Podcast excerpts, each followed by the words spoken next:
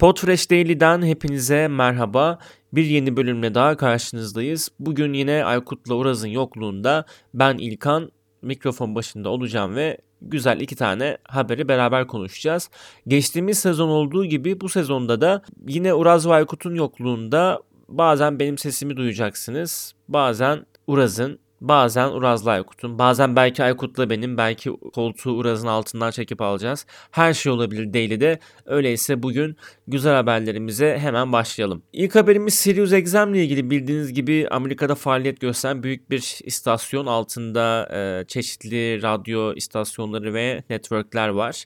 Ve kendileri podcastlerini her kesimin ya da her insan için erişilebilir kılmak adına yeteri kadar çalışmamakla suçlanıyor. Peki yani bir podcast nasıl kendi podcast'ini erişilebilir kılınamaz, kılınamaz. Buradan aslında hepimizin çıkaracağı bir ders var bu haberden. Ee, Ulusal Sağırlar ve Engelli Hakları Savunucuları Derneği Sirius Exam'e ki bunun içinde Pandora ve Stitcher e, markaları da var altında. Sirius Exam'e podcastler için altyazı veya transkript desteği sağlamadığı ve bunun da eşit erişime tezat bir durum ortaya çıkardığını söyleyerek New York yasalarını da ihlal ettiklerini iddia ediyor. Ulusal Sağırlar ve Engelli Hakları Savunucuları Derneği. Yani bir dava açılmış buna. Davanın amacı da Sirius Exam'i podcast transkriplerini sunmaya zorlamak ve işitme güçlüğü çekenler ve sağır insanların da bunu eşit bir şekilde tüketme imkanına sahip olabilmesi ve bunu Sirius Exam'in sağlaması. Yani e, şunu diyor kısaca dernek.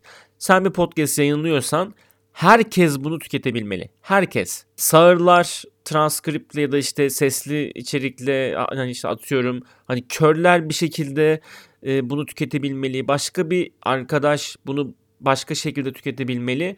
Ya bunu herkes tüketebilmeli diyor kısacası ve bunun için de dava açıyor sağlanamadığı için yani oldukça ilginç bir haber. Şimdi bir podcast transkriptine şöyle bakıldığında aslında birçok yayın için külfet bir hale gelebiliyor bunu çıkarmak. Halbuki faydaları saya saya bitmez. Hani Google'ın indekslemesinden ve podcast'inizin bulunabilirliğinin artmasından birçok şeye kadar faydalı bir şey.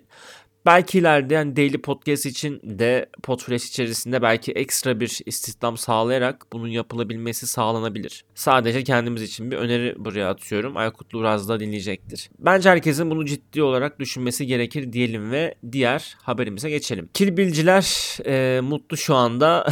Quentin Tarantino bir podcast üzerinde çalışıyor çünkü.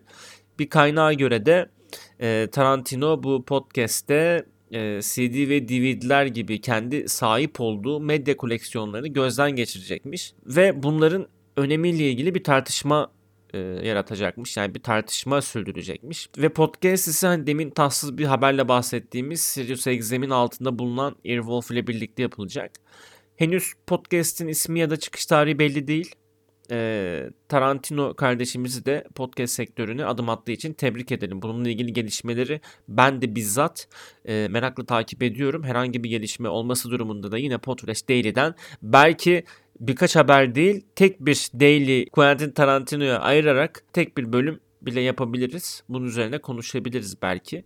E, hatta fanlarını da çağırarak diyelim. Podcast Daily'nin bugünkü bölümünü sonlandıralım. Dinlediğiniz için çok teşekkürler. Yarın muhtemelen Uraz Vaykut'la birlikte olursunuz. Ya da belki de ben olurum bilmiyorum. Dinlediğiniz için çok teşekkürler. Yeni bölümde görüşmek üzere diyelim. Bizi dinlemeye, paylaşmaya, abone olmaya, takip etmeye ve bildirimlerimizi açmayı unutmayın ki Podcast değeri düştüğünde sizin de anında haberiniz olsun diyelim. Hoşçakalın.